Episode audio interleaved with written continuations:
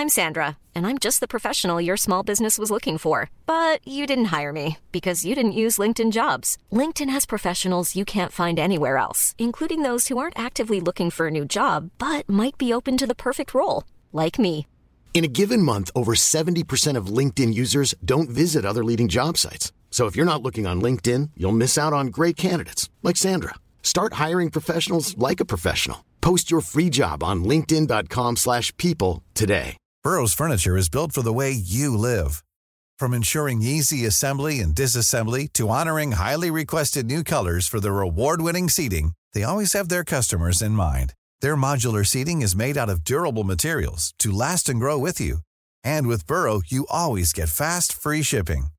Get up to 60% off during Burrow's Memorial Day sale at burrow.com slash ACAST. That's burrow.com slash ACAST. burrow.com slash ACAST. Hey, Dave. Yeah, Randy. Since we founded Bombus, we've always said our socks, underwear, and T-shirts are super soft. Any new ideas? Maybe sublimely soft. Or disgustingly cozy? Wait, what? I got it. Bombus. Absurdly comfortable essentials for yourself And for those facing homelessness. because one purchased equals one donated. Wow, did we just write an ad? Yes. Bombas. Big comfort for everyone. Go to bombas.com slash ACAST and use code ACAST for 20% off your first purchase.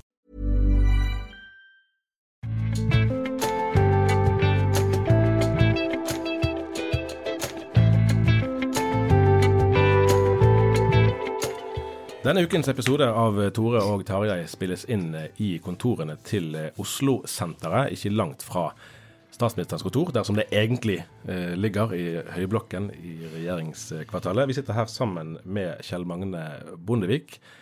Eh, vi skal ikke snakke så mye om politikk, det kommer sikkert litt av det òg. Vi skal snakke mest om den eh, kristelige og kirkelige utviklingen du har vært igjennom eh, i mange år. Vi begynner tilbake i Molde. Da kom familien din dit i 1946, året etter krigen. Din far eh, Johannes skulle være rektor på det som da het Rauma folkehøgskole, nå heter det Molde folkehøgskole. I dag eh, presenterer denne skolen seg sjøl under verdiene tro og toleranse som et ordpar. Eh, Hvordan tenker du at det betegner både ditt oppvekstmiljø og den bevegelsen i dag? Jeg syns det er et godt motto for den skolen, hvor jeg vokste jo opp eh, på skoletunet der rektorboligen lå der. Eh, Og det var en, eh, et fantastisk miljø å vokse opp i. Eh, Selvsagt et sterkt kristen preg på skolen, men også veldig mye kultur. Sang, musikk. Far var glad i litteratur, og sjøl sto for mye opplesning, enten det var på elevkveld eller såkalt huslige kvelder, hvor misjonsfolket fra hele Romsdalen kom og fylte salene. Eh, Så og, og oppdragelsen som mine foreldre sto for, den, de ga uttrykk for veldig klare oppfatninger om hva de syntes var rett og galt. Men de ga meg frihet eh, til sjøl å velge, så det var også toleranse. Eh, og det ble et eh, eksempel for meg når jeg skulle sjøl oppdra egne barn. Så dette var mye av rammen. Eh, så hadde han far som motto også kirka på formiddagen til gudstjeneste, bedehuset på kvelden på møte. Så jeg hadde, fikk med meg begge de miljøene i oppveksten.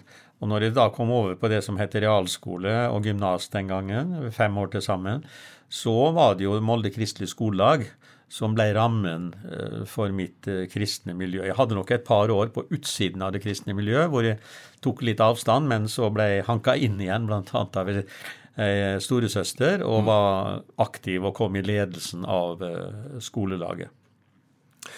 Hvis vi begynner litt med, med kontakten med bedehusmiljøet. eh, Hva, når du ser tilbake på det nå, hva er det beste du har med deg derifra? Jeg husker, eh, har mange gode minner. Altså, det var jo et varmt fellesskap. Folk brød seg om hverandre. Eh, og så husker jeg jo mye god og glad sang. Og bedusangene kan jeg mange av. Eh, og når det kommer i sammenhenger hvor andre gjør det også, så synger vi gjerne slike. Og så var det jo en veldig utfordrende forkynnelse til å ta et standpunkt. Eh, og det satte jo oss på valg, da. Og så husker de vitnemøtene eh, etter talene. Eh, noen ganger var det ettermøter også. Eh, og så har jeg som en fin opplevelse disse kora som sto og sang på plattformen. Og det som gjorde inntrykk på meg, og som jeg husker den dag i dag, er at der sto direktøren på konfeksjonsfabrikken og sang sammen med arbeiderne sine. Så der var det ikke forskjell på høy og lav.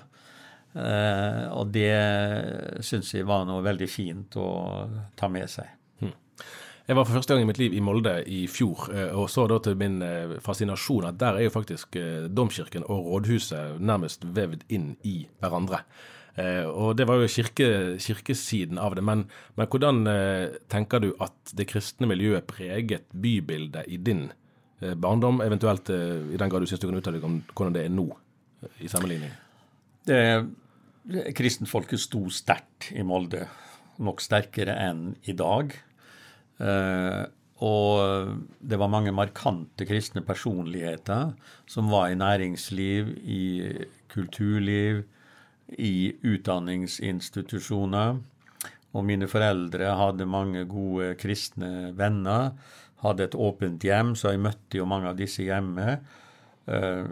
Eh, så det preger bybildet, det er det ingen tvil om. Så det at kirka og rådhuset ligger vegg i vegg, er et uttrykk eh, for dette.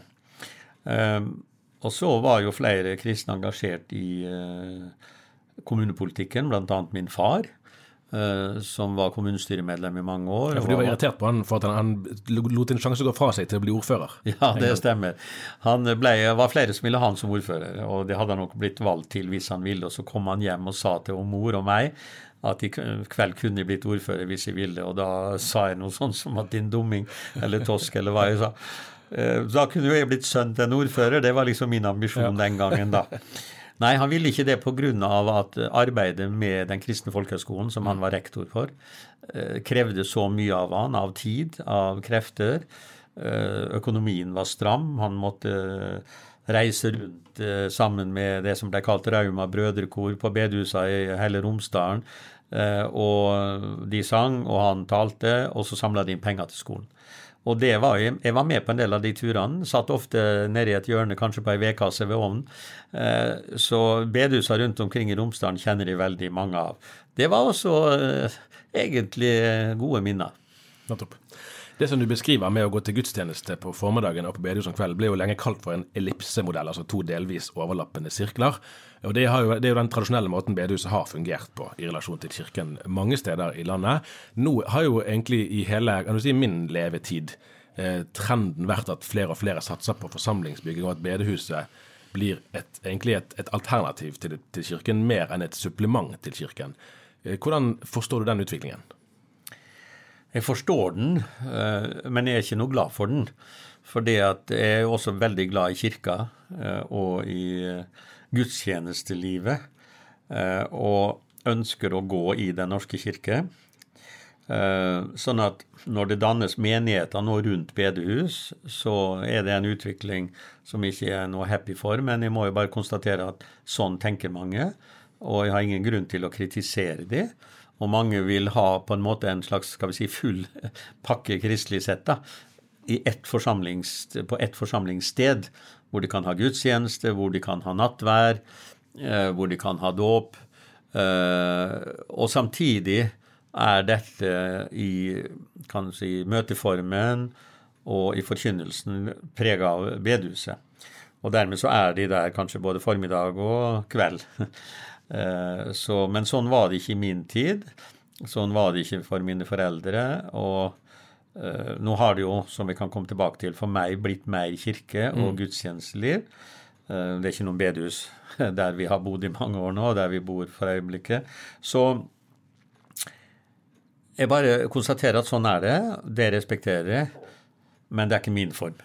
Har du noen tanker om hvorfor det ikke er flere Altså nå er det, det er en kjensgjerning at i både Misjonssambandet og i Nordmisjonen og for så vidt også Indremisjonsforbundet Eh, så finnes det jo menighetslignende strukturer. Så hvis man bestemmer seg nå blir vi kirkesamfunn, så kan man egentlig gjøre det ganske fort. Men eh, f.eks. trossamfunnet som disse organisasjonene har opprettet, de har jo egentlig veldig få medlemmer sammenlignet med organisasjonens størrelse.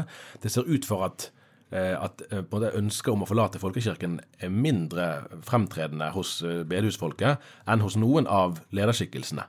Har du noen tanker om hva det kan skyldes? Ja, det er et interessant fenomen. Og jeg er jo glad for at ikke de forlater folkekirka, Den norske kirke, selv om de kanskje ikke går så ofte til gudstjeneste, men har mer av uh, sin kristne tilhørighet til bedehus eller en forsamling. Nei, jeg tror at tross den innvending mange har mot Den norske kirke, så er det likevel forbausende mange som er glad i den. Uh, som tenker at her vil vi gjerne døpe våre barn. Her vil vi at de skal bli konfirmert, her vil vi at de skal bli via. Her vil vi bli stedt til hvile når den dag eh, kommer.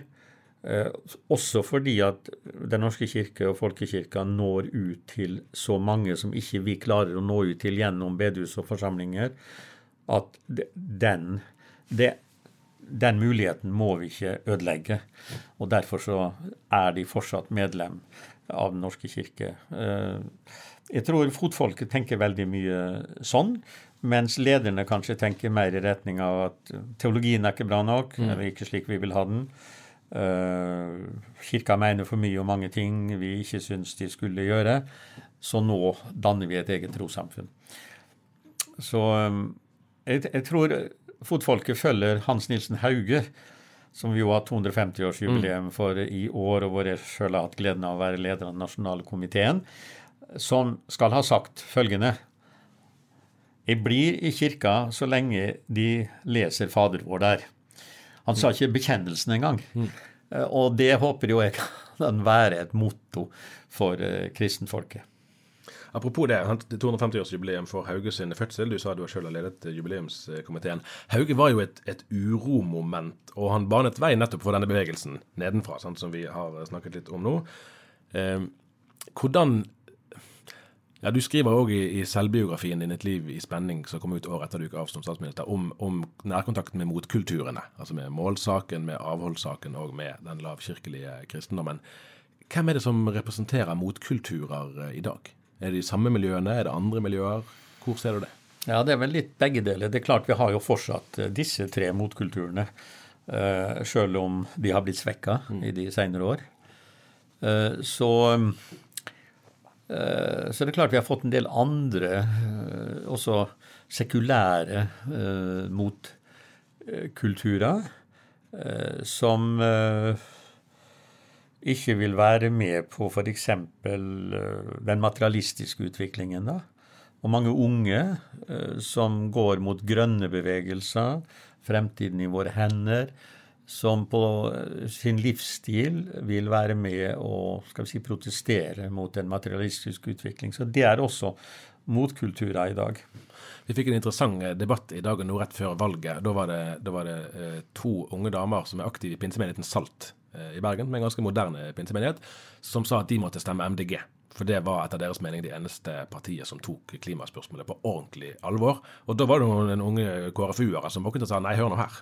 Eh, det går ikke med på. Jeg har tenkt av og til at liksom MDG eh, har vel, det er vel nesten dit du må gå for å finne den, moralske frimodigheten, om du vil, som man kanskje har forbundet med kristne aktivister litt eh, tidligere. Ja, igjen, eh, det, er, det, er, ingen tvil om det, og jeg er imponert over en del unge som uansett hvilket parti de stemmer, står fram og, og tar miljøtrusselen, klimatrusselen, på alvor, og som også lar det prege sine liv. Eh, så det, det, er kanskje den sterkeste motkulturen i, i dagens eh, samfunn.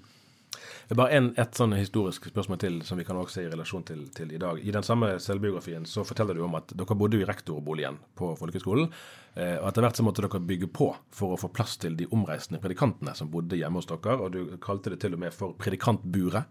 Ja, ja, da, vi har hatt, jeg husker tilbake til min barndom, vi hadde mange legendariske kristne ledere og forkynnere der. Det er det du nevner. sant? Altså, nå er ikke alle som er like kjent lenger. Gustav Ballestad fra Indremisjonen, eller DVI, da, som det heter til Rolf Onarheim, Ole Abel Sveen, Tormod Vågen, Ole Hallesby og Arthur Berg nevner du, som, som, i hvert fall mange i din generasjon, og for så vidt òg yngre, vil, vil, kjenne til. Eh, hvordan, hvordan, husker du fra ungdommen at du så på disse lederne da, og hvordan vurderer du deres status, kanskje sammenlignet med statusen som kristne ledere har eh, i dag? De var jo høvdinger, og i dag har en kanskje ikke så mange av de som betraktes som høvdinger. På en måte er det sunt, fordi at de hadde en veldig autoritet, og sikkert for stor. slik at eh, folk følte at eh, det de sa, det var rett. Og det er klart, i mange sammenhenger var det det, men det ga ikke nok rom, tror jeg, for egen tenkning og refleksjon. Eh, men samtidig så bidro jo de gjennom sin forkynnelse til at mange ble kristne. Og det skal vi være evig takknemlige for at de gjorde. Jeg husker Arthur Berg, den legendariske tidligere aktøren i Dagen, som gikk rundt og, i stua våre og smatta på pipa si. Mm.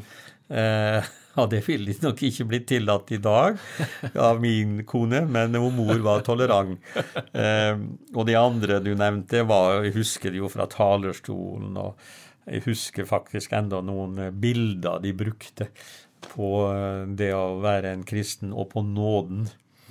Eh, jeg husker en av de eh, sa noe sånt som altså Han hadde en gang på et møte forkynt loven så sterkt at, og, og, hvordan vi skulle leve, at en ungdom kom fram etterpå på det såkalte ettermøtet og var helt knust. Mm fordi at han sa at jeg har jo synda mot det og det budet, og jeg kan vel ikke lenger kalle meg en kristen. Og så sa denne høvdingen da nei, du kan kanskje ikke det.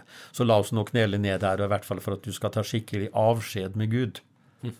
Og så begynte forkynneren å si at her har du han og han eh, på kne ved siden av meg, og han har gjort så og så mye feil, eh, så nå får vi ta farvel med deg, Jesus. Og så brast denne gutten i gråt. Og sa nei, jeg kan jo ikke ta farvel med Jesus, han er mitt eneste håp. Riktig, sa forkynneren. Nå kan du legge bort alt det andre og bare klynge deg til Jesus. Det var en brutal måte. Ja, Det var en sterk pedagogikk. Ja, veldig, sterk, veldig sterk pedagogikk. Ja. Det ville ikke ha skjedd i dag, og jeg vet ikke om det var så klokt heller. Nei.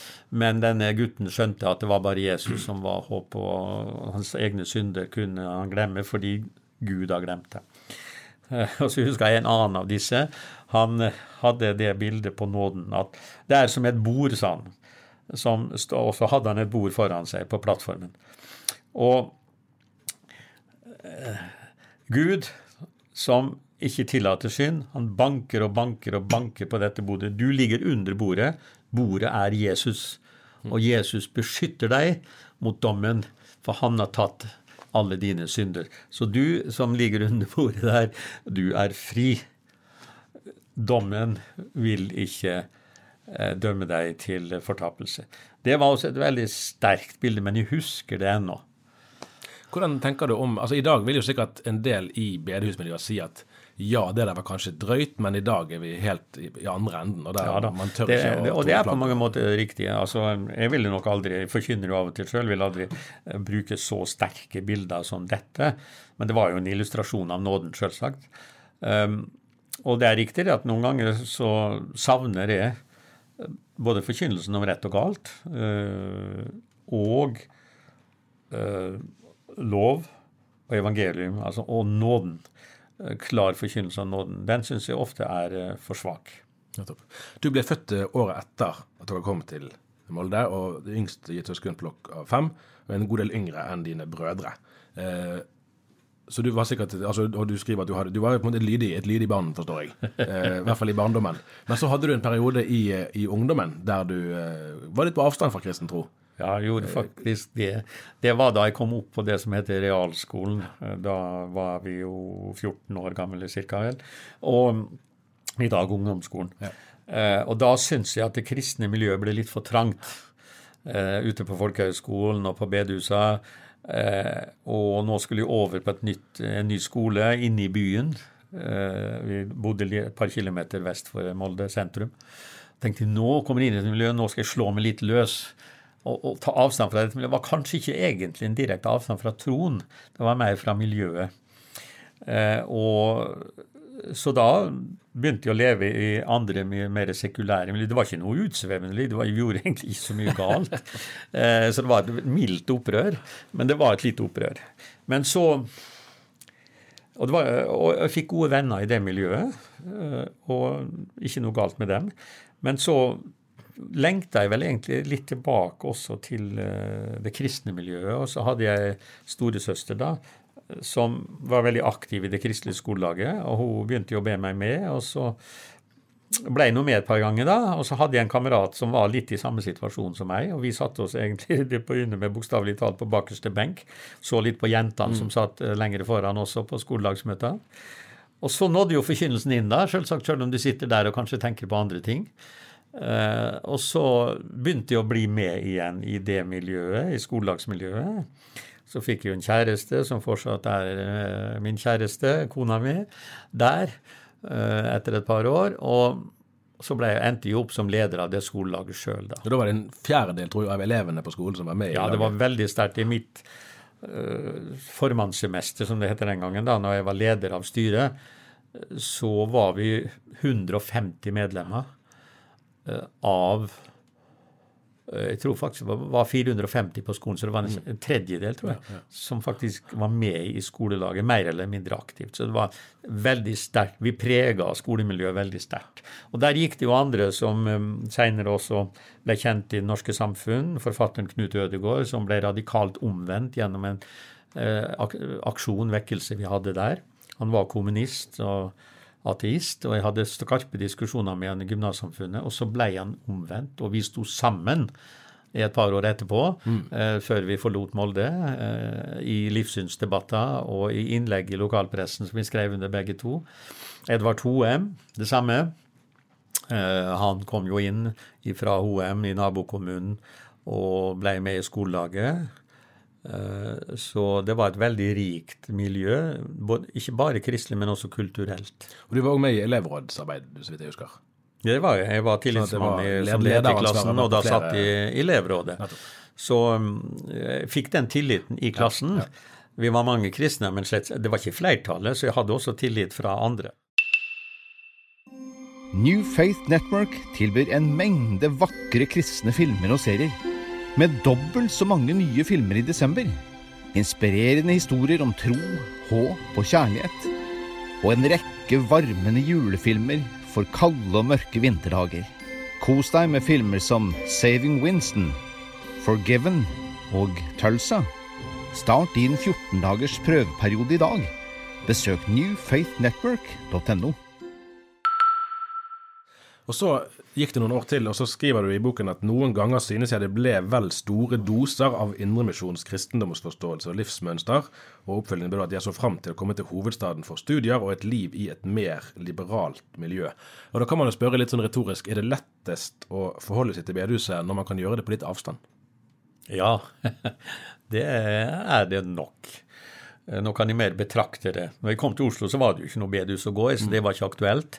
Så min ramme der kristelig sett var jo Menighetsfakultetet, hvor jeg var student, og Oslo Kristelig Studentlag. Men jeg ble etter hvert så aktiv i politikken at jeg fikk mindre og mindre tid til å være i eh, studentlaget. Da så jeg tilbake på bedehustilværelsen, eh, og jeg blei provosert av en del medstudenter som aldri hadde opplevd bedehusmiljøet, som har vokst opp andre steder, og som jeg syntes så ned på bedehusmiljøet. Der var det liksom så trangt, og de hadde ikke noe utsyn til verden og sånn. Da ble jeg provosert.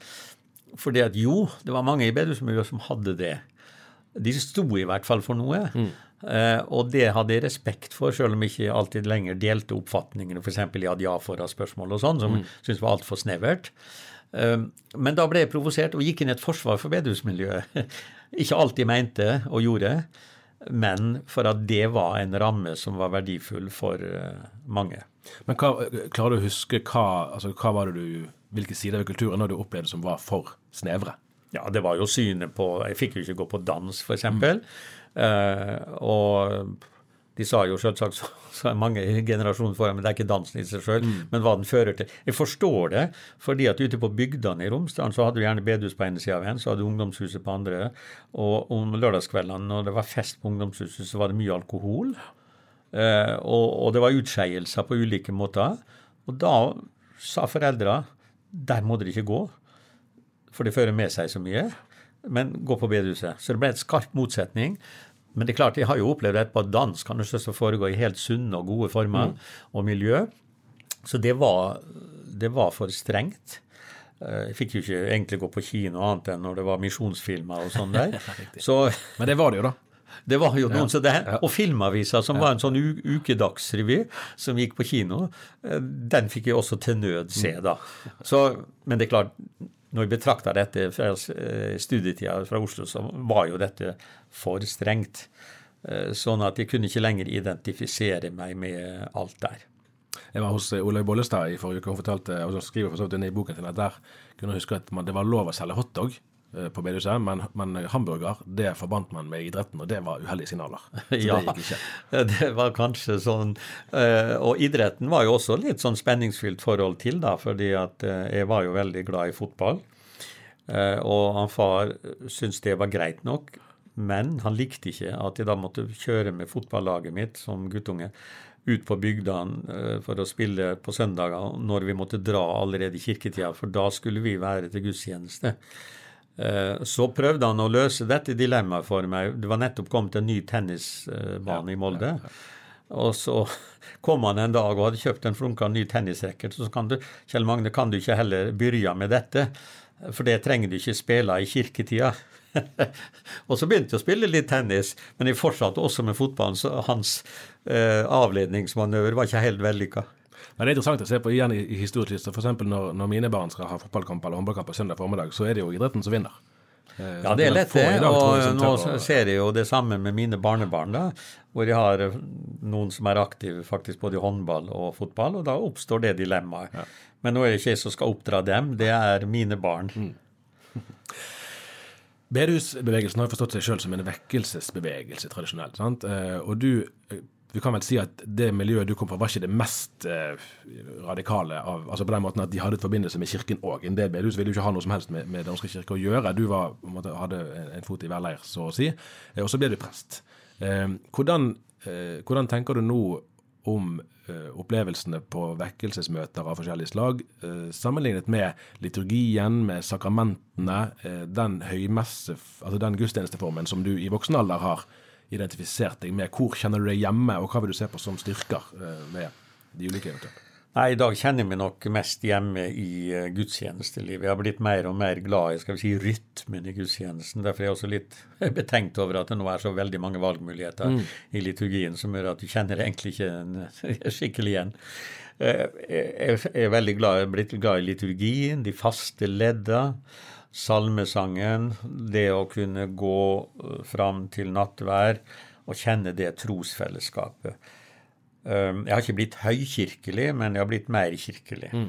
Hva er det som gjør det, tror du, at du er glad i de første leddene? Er det på en måte aldring at man har behov for noe som er kjent og trygt, eller er det noe dypere enn det? For da vil jo spørsmålet neste runde ja, men ungdommen syns det kanskje det er ikke så spennende med de første leddene? Ja, nei, det gjør nok mange gjør ikke det. Hva, hva og, det og det har jo ungdommen og de nye menighetene som er danna, felles med på en måte bedehuset, for der var det en mye løsere struktur. Mm. Uh, ikke sant? Uh, og Nei, det kan selvsagt være et behov for en trygghet, men jeg føler også at troen blir formidla sterkt gjennom liturgien. Mm. Hvis en virkelig tenker gjennom de ledda som er i liturgien. Uh, nattværliturgien, og i vår kirke er det nattvær i prinsippet hver søndag. Jeg føler det som veldig trosstyrkende. Og dit, denne mer løse formen hvor ja, nå synger vi en sang, og så spredt, har jeg en som må opp og har et vitnesbyrd og sånn det har sin verdi, eh, men jeg føler ikke lenger at det er min form. Det som jeg kanskje har litt eh, negative gjenkjennelser på i bedehusmiljøet, var jo når forkynnelsen var så sterkt at mennesker brøt ut i gråt. Mm. Jeg ser for meg enda noen som lå på kne ved stolene der og, og gråt i erkjennelsen av egen synd, og det blei veldig følelsesmessig sterkt. Uh, jeg setter pris på synsbekjennelsen, og den har vi også i kirka. Men i dag ville jeg nok hatt vanskeligheter med den formen for det. Ja. Det ble følelsesmessig for, for sterkt. Og det sitter igjen i mitt sinn fra barndommen av som litt vanskelig opplevelse. Akkurat. Vi møttes Eh, noen dager før du gikk av som statsminister i 2005, eh, så, så, var jeg på besøk hos deg på kontoret ditt i den nevnte høyblokken rett borti gaten her. Eh, og det som jeg tror jeg husker aller best fra det intervjuet, var når du spurte litt sånn retorisk. og jeg, jeg fornemmet jo, jeg tror det var mer enn en fornemmelse at her var det òg en brodd mot for så vidt den tradisjonen som dagen har stått delvis i, nemlig om det er retorikken eller saken som er i fokus, altså om man skal nøye seg med å markere primærstandpunkter, f.eks. i abortspørsmålet Eh, eller om man skal være mer opptatt av ok, eh, vi får ikke alt vi vil, men hva av det vi vil, kan vi få til gjennom da politiske forhandlinger, og kompromisser og ja, vanlig politisk arbeid, egentlig. Eh, og der er det vel mer enn én en gang at både du og andre KrF-ledere har opplevd at deler av kristenfolket har ikke vært eh, heiagjeng, da, men har heller etterlyst en tydeligere kristelig profil. Eh, hvordan, I lys av det vi snakker om nå, med utviklingen i bedehuset, i kirken og i samfunnet, hvordan, hvordan forstår du den spenningen der? Nei, den eh, er sterk. Og det er klart, når vi som kristne gikk inn i politikken, så var det ofte vanskelig å få forståelse for at vi måtte kompromisse. For meg eh, det, er det jo sånn at hvis du har en sak og et mål, tar det på alvor, ja, så må du jo være glad hvis du klarer å bevege situasjonen i retning det målet, om ikke du når helt fram. Eh, men det er ikke alle som forstår. Hvis det ikke liksom står og faller med prinsippet, så kan det være det samme. Mm. Eh, så, men jeg mener at du tar målet minst like mye på alvor hvis du gleder deg over at det beveger seg i, i riktig retning. Og det gjaldt også en del skal vi si, etiske spørsmål, enten det gjaldt abortsaken eller eh, innenfor eh, samlivsetikken, familiepolitikken. Mm. Så, men det er klart du kan komme til et punkt eh, da kompromisset er så dårlig det kan ikke ta ansvaret for og går av. Mm. Det kan skje. Men uh, i de fleste tilfeller tror jeg det er riktig å bevege, prøve å bevege saken i rett retning. Akkurat. Eh, den siste tiden så har eh, Kirkemøtet, for så vidt ikke første gang, men kanskje muligens med mer styrke, da, fått kritikk for å være for venstreorientert. Eh, og her er jo på en måte en nerve her som er veldig aktuell òg i ditt engasjement. at Du er opptatt av å skjelne mellom religion og politikk, samtidig som, som hele, altså KrF sine kjerneverdier er jo tuftet på et, kristen, et kristent menneskesyn, et kristent verdensbilde.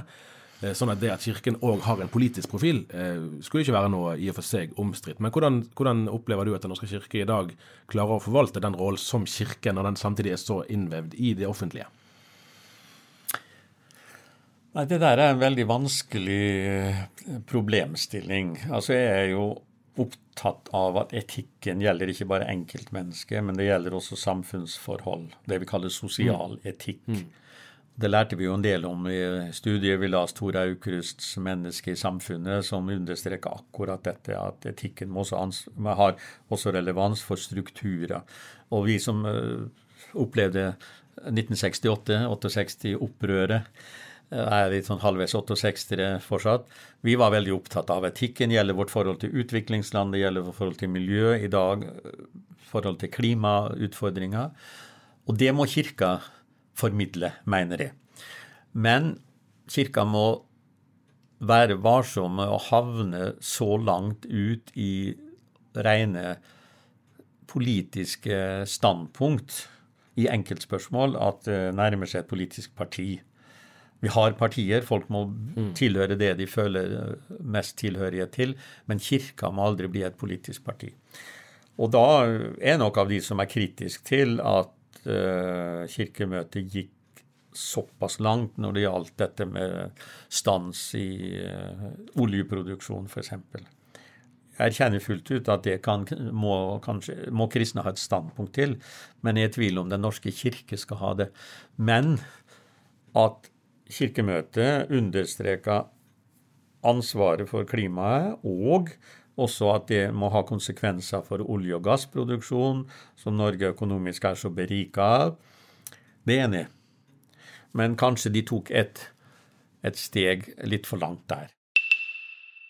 Hei, jeg heter Bjørnar og er student ved NLA-skolen. Her kan du studere mye forskjellig. Lærerutdanning, musikk, journalistikk, økonomi, pedagogikk, interkulturelle studier og teologi, som jeg studerer for å bli prest. På NLA er klassene små, som gjør det lett å komme i kontakt med både medstudenter og forelesere. Hvis du er nysgjerrig, så bør du gå inn på nla.no og finne ut mer om de ulike studiene som NLA tilbyr. Jeg håper jeg ser deg til høsten. Eh, klima er jo faktisk den saken som har vært eh, hyppigst debattert på Kirkemøtets talerstol. Det har Jan Arild Holbæk, mange år i Vårt Land-journalist, uh, dokumentert.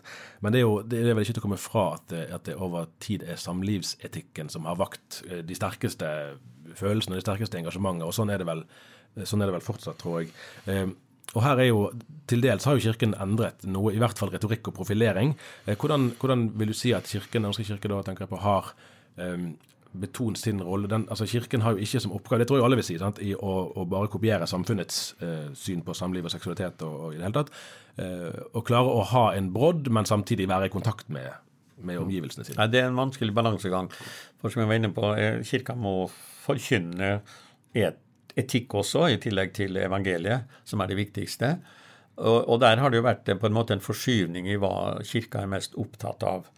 Altså det, På 60-70-tallet var det abortsaken, Mm. for det var et liv-dødsspørsmål, og det var riktig av Kirka etter mitt syn å markere seg. Uh, og en skal også tenke på at Kirka gikk ganske langt der i sånn konkretisering, eh, jf. oljedebatten i dag. Eh, men det var vern om livet som var det viktigste. og Derfor er det ikke lovparagrafene etter mitt syn som er det viktigste nå. Det er hvor man, hvor, hva kan vi gjøre for å berge flest mulig av de ufødte liv. Det er det viktigste. Og vi skal glede oss over som kristne at tallet på aborter går ned. Eh, Så kom jo familiepolitikken veldig sterkt inn. Eh, KrF var veldig profilert. Eh, Og familien som den grunnleggende enhet i samfunnet mener det er viktig at kirka fortsatt formidler. Og KrF også, når det går inn i politikken, kan ha konkrete syn på virkemidler. Så kirka kan ikke ha noe syn på kontantstøtte og sånne ting. Det, det skal være i politikken, men kirka bør formidle familien som en grunnleggende enhet for oppvekst for barn og unge. Så har da kanskje nå fokuset på en måte gått mer over på miljø, og så i dag klima. Og det er riktig og viktig fordi at det er et etisk spørsmål. Det har med Guds skaperverk å gjøre, at vi skal klare å beholde denne kloden eh, som levelig for menneskene. Det er etter mitt syn har med kristen forvalteransvar å gjøre. Og så er da hele tida spørsmålet hvor langt skal en gå i en konkretisering. Der skal Kirka være litt varsom, etter mitt syn. Ja, ja. Men, men en må ikke nå se negativt på at Kirka er opptatt av klima og miljø. Kirka har vært opptatt av abort og familie. Nå mer klima og miljø. Det er naturlig, for det er en stor utfordring. Har det vært et poeng for deg som politiker å ikke Altså, Du kan for ta altså åpenbart sant, at, at spørsmålet om samkjønnet ekteskap vil jo være et sånt spørsmål der hvis man troner flagg, så får man noen venner og noen motstandere. Har det vært et poeng for deg å ikke gå for mye inn i, Ja, og ikke fordi at jeg ikke vil ha motstandere eller uh, tilhengere, men fordi vi må leve med at her er det ulike syn uh, i både Den norske kirke og en del andre kirkesamfunn. Uh, det har jo Kirkemøtet vedtatt, at det skal f.eks. i samlivsspørsmål være rom for to syn. Og jeg er ikke av dem som forlater Den norske kirke av den grunn. For kirka er ikke et eh, meningsfellesskap. Kirka er et trosfellesskap. Og da må vi eh, leve med at det er ulike meninger også om en del etiske spørsmål. Vi nærmer oss eh, slutten, du skal snart gå. Eh, Den svenske forfatteren Magnus Malm skrev i 2015 en bok som het 'Som om Gud ikke fins'. Som, som har vakt en del debatt. Jeg tenkte jeg skulle lese et lite avsnitt og bare få deg til å si litt om hvordan du oppfatter det, som et bilde på, på samfunnsutviklingen da hos oss. Han sier det er ikke den kritiserte troen som sekulariserer oss, det er den ikke praktiserte troen. Det er den bønnen jeg ikke ber, det er de bibelteksten jeg ikke vender tilbake til, det er den gudstjenesten jeg ikke deltar i. Du har vært med i samme bibelgruppen i nesten 40 år nå.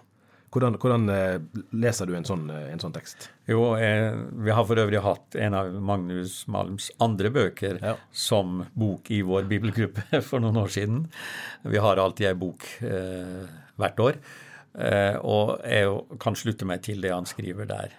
Det å få være med i fellesskap hvor en får leve ut troen, praktisere troen, kan snakke om ting vi også er uenige om, men kjenner trosfellesskapet. Det syns jeg er veldig godt. Og for meg er det menigheten, ikke bare gudstjenesten på søndag, men også mange aktiviteter gjennom uka. Det er en fantastisk levende menighet. Godt å oppleve. En menighet i vekst innenfor Den norske kirke, og hvor det er sangkor for barn og unge og voksne i alle aldre, hvor det er hyggesamvær, hvor det er dialogkvelder. Det skjer noe hver dag. Det er et fantastisk fellesskap å oppleve det. Eh, Og så er det denne bibelgruppa som vi har hatt sammen nå i snart 40 år. Eh, Kjernen av ekteparet er den samme som for nesten 40 år siden. Eh, Og vi møtes eh, hver 14. dag, eh, ganske hyppig. Og det gjorde du også når du var statsminister? sant? Det var fast Og det gjorde jeg når jeg var statsminister også. Jeg tror jeg var blant de flittigste da. fordi da ga jeg veldig klar beskjed på forværelset at den og den dagen er opptatt. Ja. Og det betød at da skulle en prøve å unngå andre avtaler. Så det har betydd veldig mye for eh, både kona mi og meg. Eh, og det vil vi fortsette med.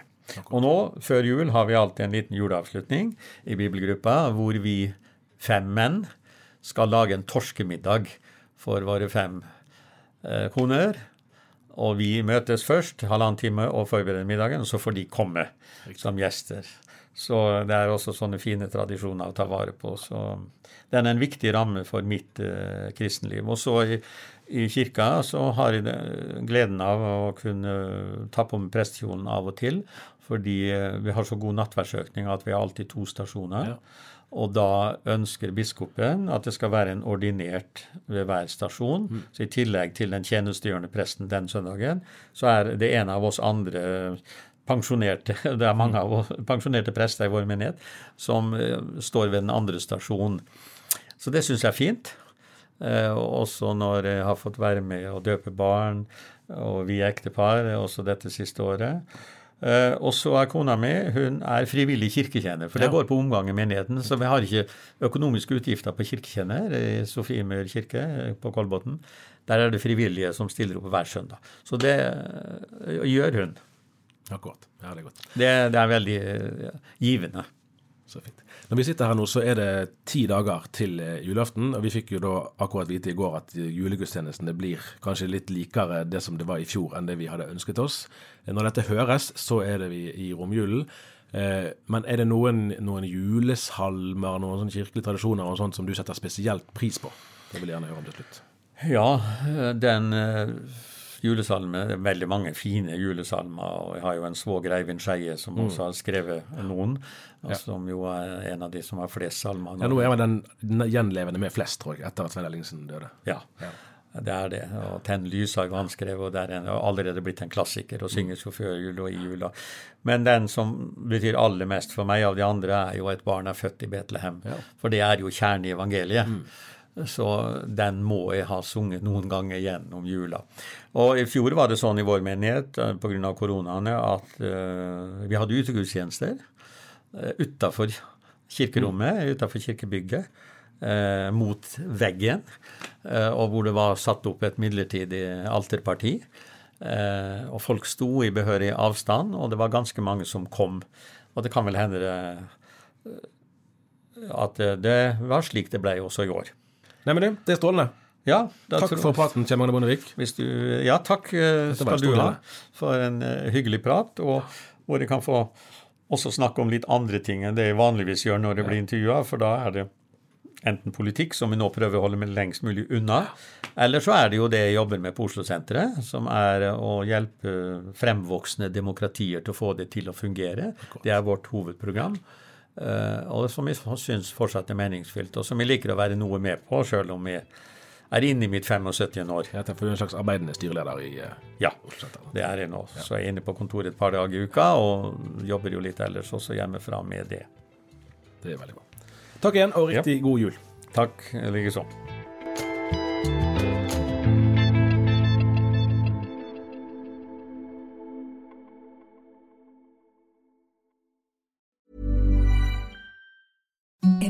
The softest sheets you've ever felt. Now imagine them getting even softer over time. That's what you'll feel with Bowl and Branch's organic cotton sheets. In a recent customer survey, 96% replied that Bowl and Branch sheets get softer with every wash. Start getting your best night's sleep in these sheets that get softer and softer for years to come. Try their sheets with a 30-night guarantee. Plus, get 15% off your first order at bowlandbranch.com. Code BUTTERY. Exclusions apply. See site for details.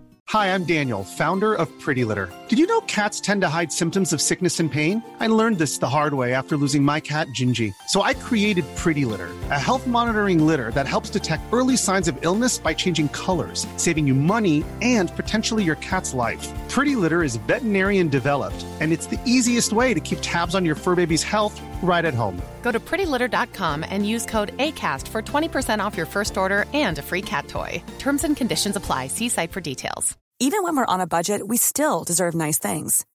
Quince is a place to scoop up stunning high end goods for 50 to 80% less than similar brands. They have buttery soft cashmere sweaters starting at $50, luxurious Italian leather bags, and so much more. Plus, Quince only works with factories that use safe, ethical, and responsible manufacturing. Get the high-end goods you'll love without the high price tag with Quince. Go to quince.com/style for free shipping and 365 day returns.